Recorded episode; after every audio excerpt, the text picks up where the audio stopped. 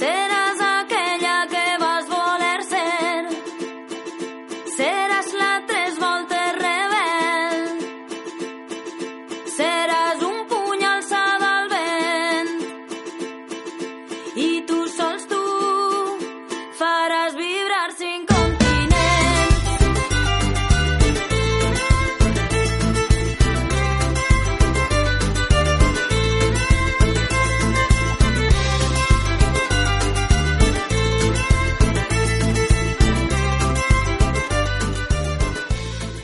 Des de ben menut somiava en ser polític i 30 anys després ho va aconseguir.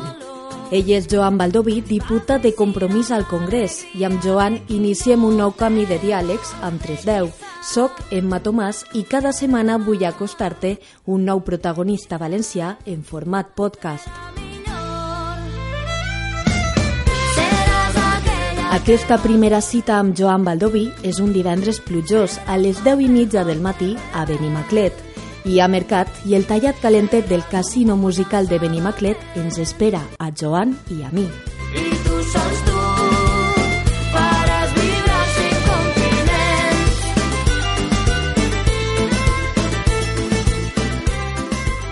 Iniciem una nova temporada de diàlegs i ho fem així, de nou, al musical de Benimaclet. En aquesta nova temporada volíem començar una, un nou camp per explorar, com és la política, profunditzar i conèixer més a prop els polítics que ens representen. I per això ens acompanya el diputat al Congrés de Compromís, Joan Baldoví. Benvingut a Diàlegs. Bueno, encantat d'estar eh, amb tu i amb el programa.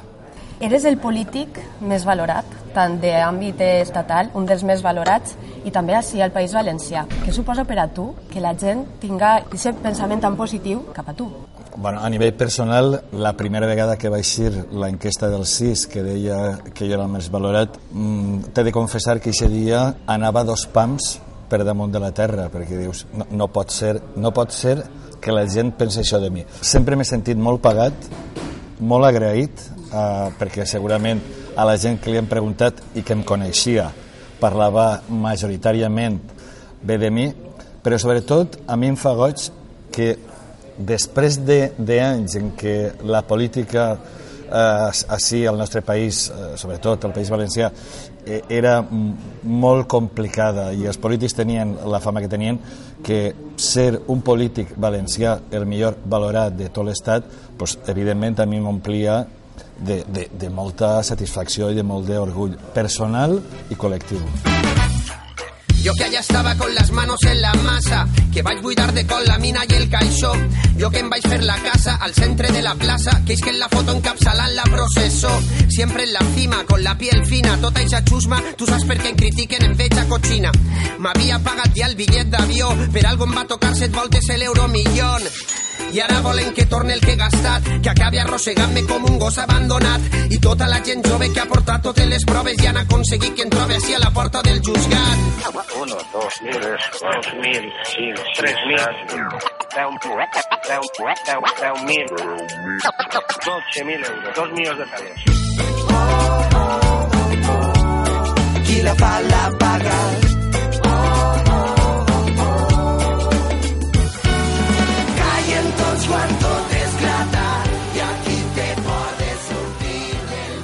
Idea d'incloure polítics així a, a diàlegs era per a tindre-vos més a prop, els polítics i polítiques que ens representen, perquè últimament fa molts anys que s'ha generat aquesta desconfiança cap a tota l'esfera política i sempre n'hi ha molta gent que generalitza de arriben al poder i tots fan el mateix. Per què es pensa això?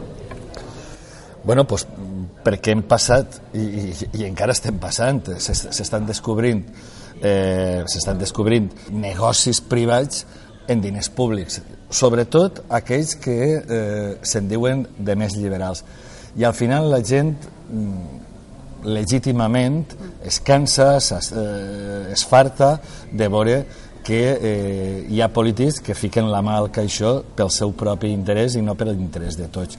Però a mi sempre que em diuen aquesta frase maleïda tots sou iguals, mai em quede callat, mai. Sempre eh, m'encaren la persona que m'ho ha dit i en tota l'educació del món li dic, tots no són iguals. Ni fins i tot, eh, i a més insistisc, en tots els partits la immensa majoria són gent honesta, sí que és veritat que han hagut, sobretot d'algun partit més que, de, que, que d'altres, gent molt deshonesta. Però mm, jo crec que la política és molt important per a que es genere aquest ambient d'antipolítica. La política és la que ha sigut capaç de crear aquest estat de benestar. Evidentment, eh, quan la gent ha anat votant opcions que defensaren anar avançant en drets i en llibertats. Per tant, o hi ha la política i els polítics o hi ha els dictadors. I per tant, amb tots els defectes que puga tindre la democràcia, és molt millor que ciutadans puguen triar els seus representants i puguen llevar-los eh, que no estar a les expenses d'una persona que decidís que sempre el que ell vol. Si fem un repàs a la teua trajectòria, va ser alcalde de Sueca de l'any 2007 al 2011. Eh, com recordes aquella època? Una època molt dura perquè era eh, l'esclafit de la crisi en totes les conseqüències. La proximitat d'un alcalde a, a la gent del teu poble fa que moltes vegades t'arribi gent en problemes que absolutament eh, tu et veies desbordat perquè una administració local amb el finançament que té, amb les competències que té, però realment no podies donar solució a tot.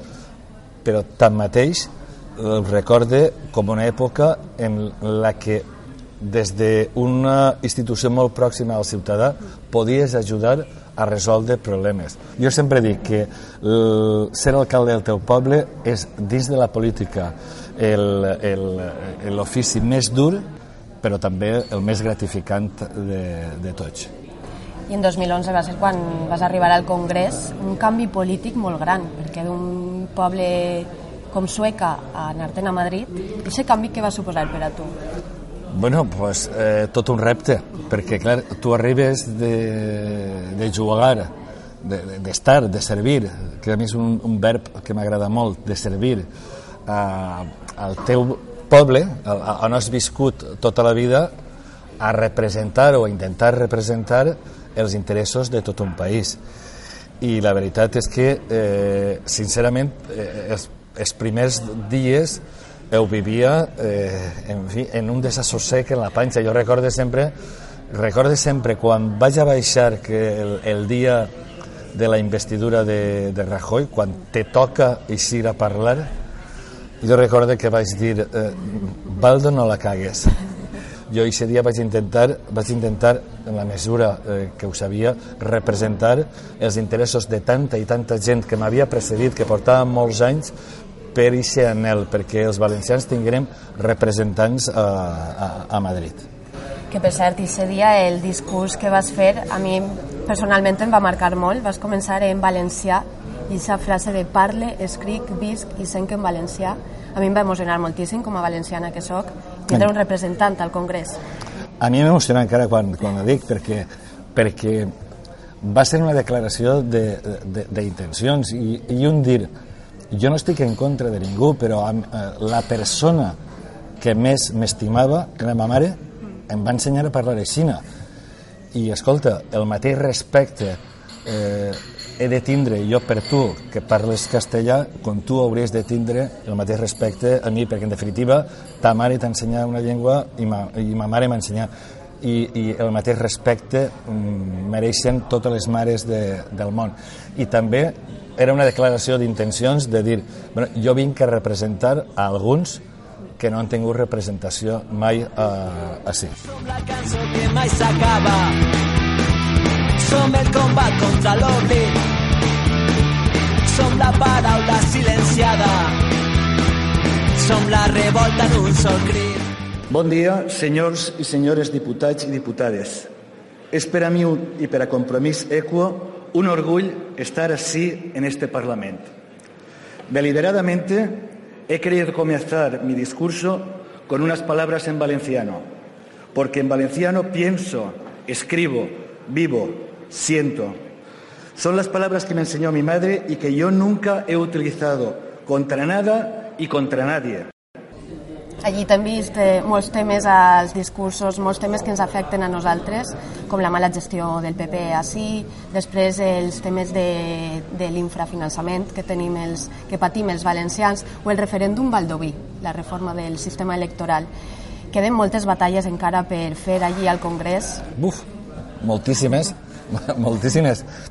Eh, eh, de fet, ahir vaig tindre mm, un xicotiu eh, rifirrafe amb, amb, amb una persona que estime, eh, jo crec que és un, un bon diputat, en Manolo Mata, que parlava de quina era la utilitat eh, nostra, perquè només tenim ara un representant, o quan n'hem tingut quatre, i, i, i jo, clar que voldria tindre molta més gent a, allà, però jo sí que he recordat quina ha sigut la utilitat dels dos grans partits que han monopolitzat la representació valenciana en els últims 30 o 40 anys a Madrid, quan un problema fonamental per a nosaltres com és el del finançament o un altre problema que és el maltracte sistemàtic any darrere any en tots els pressupostos generals de l'Estat hem sigut sempre, hem estat sempre a la cua, últims, penúltims, alguna vegada antepenúltims, dir, eh, de què ha servit. Jo, eh, sincerament, crec que una opció de casa, i en tot el respecte, evidentment, a totes les altres opcions, és absolutament necessària. Un debat com el finançament, sense una opció eh, com compromís allà al Parlament espanyol, probablement no hauria tingut l'abast i el coneixement que ha tingut ara, perquè nosaltres hem estat una vegada i una altra i una altra i una altra. E, e evidentment, jo eh, intente representar i ser lleial a allò que vaig prometre en campanya, i és representar els interessos d'esta terra, millor o pitjor, de, de la millor manera que sé, però evidentment sempre eh, representar els interessos d'esta terra, perquè, ja ho dic, eh, no, no, no, no content de dir-ho, però si no parlem eh, nosaltres de molts problemes d'ací, malauradament no se'n parla. Gràcies, senyora presidenta. Eh, estos días ha circulado una noticia, tanto en medios de comunicación como por redes sociales, que la verdad es que cuando la lees espanta un poquito. A un agricultor valenciano de Algemesí le han pagado 100 euros, 100 euros por 7.000 kilos de naranja. Es decir, le han pagado un euro por 70 kilos de naranja, menos de lo que vale un café. Esto nunca había pasado allí, nunca, nunca se habían pagado estos precios tan bajos. Al país de l'olivera hi ha un riu de paper, unes galtes color terra, un somriure d'argent. Al país de les riberes hi ha un canyar sota els estels i un mural de fulles seques a l'ombra d'un taronger. Al país de l'olivera et veus eh, fins al final de la teva vida política i al Congrés o t'agradaria tornar a aquesta terra? Jo no me veig molts més anys en, en, en política. Jo eh, em veig, em veig mm, de si uns pocs anys, em veig eh, anant al camp, eh, portant-me un trosset, eh, els trossets de terra que em va deixar eh, mon pare i ma mare, eh, cuidant el meu net, i fent eh, dos de les coses que més m'agraden. Llegir tot el que no he llegit en molts anys i viatjar.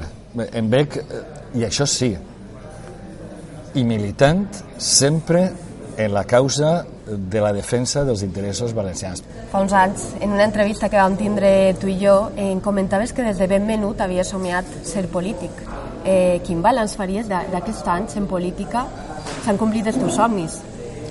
Sí, bueno, s'han complit els meus somnis de, de ser polític. Jo, de fet, jo, eh, als 17 anys, crec que vaig dir, li vaig dir a un amic, i és una anècdota que he contat moltes vegades, li vaig dir, t'imagines que un dels dos fora alcalde de Sueca? Bueno, 30 anys després jo vaig ser alcalde i l'altre amic que estava en companyia meva va ser tinent d'alcalde de Sueca, els dos en, en la mateixa llista.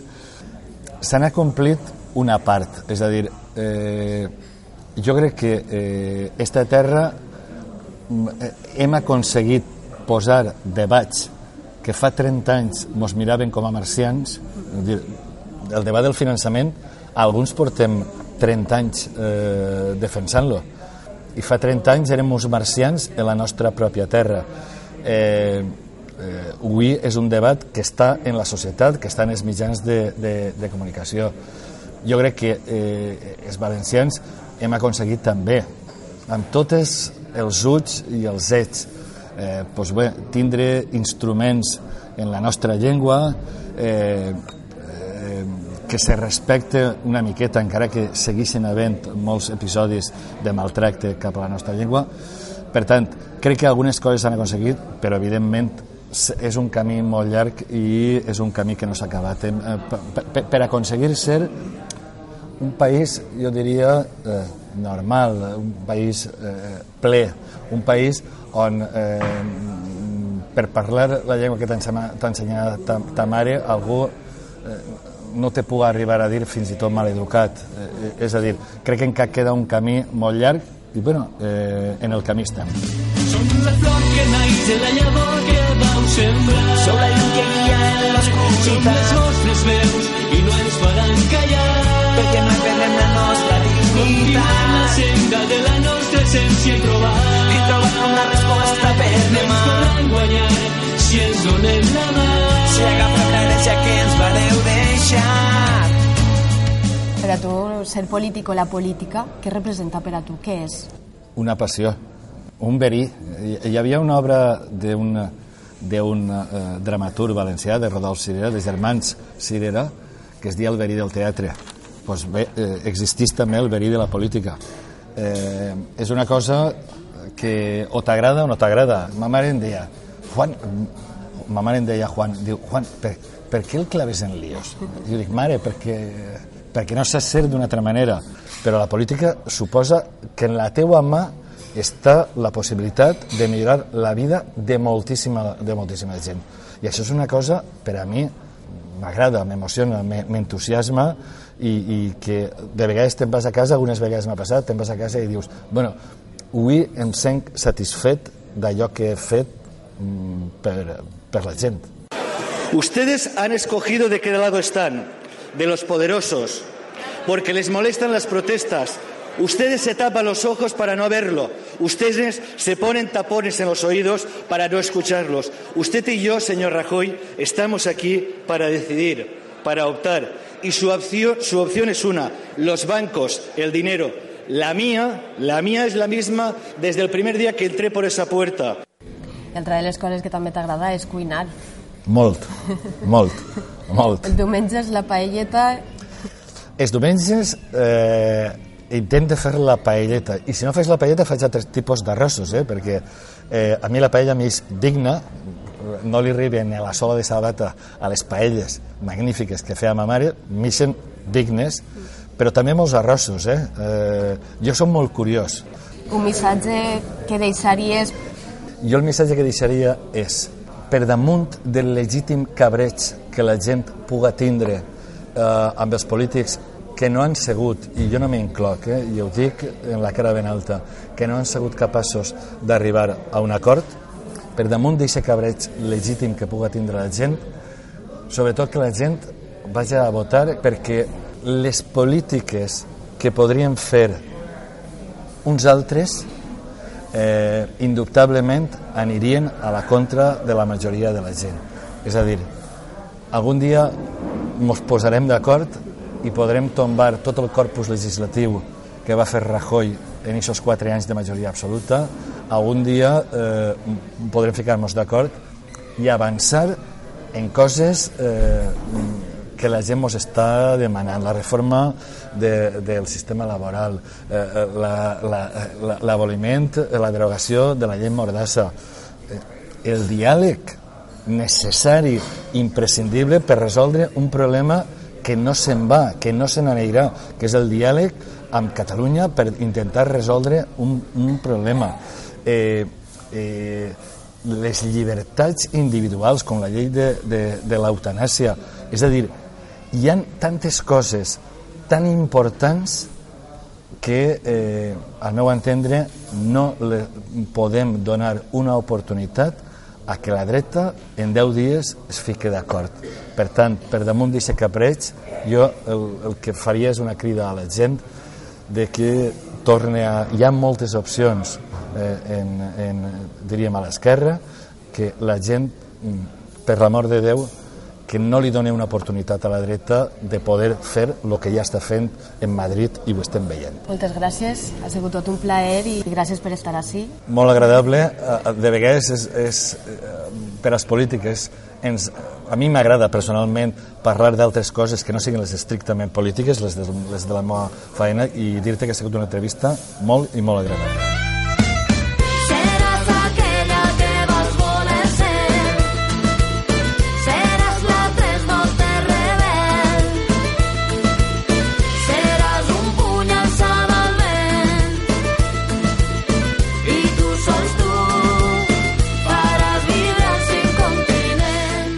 Continents. Mencis a tornar de nou a diàlegs i més amb protagonistes com el d'avui. D'alcalde de Sueca fins al Congrés, dialogar amb Joan Baldoví ha sigut especial. Amb la humilitat, senzillesa i transparència que regala, ha convertit l'estona en un moment inoblidable. Ens escoltem de nou la pròxima setmana, així, a Diàlegs amb Emma Tomàs per al podcast de 310.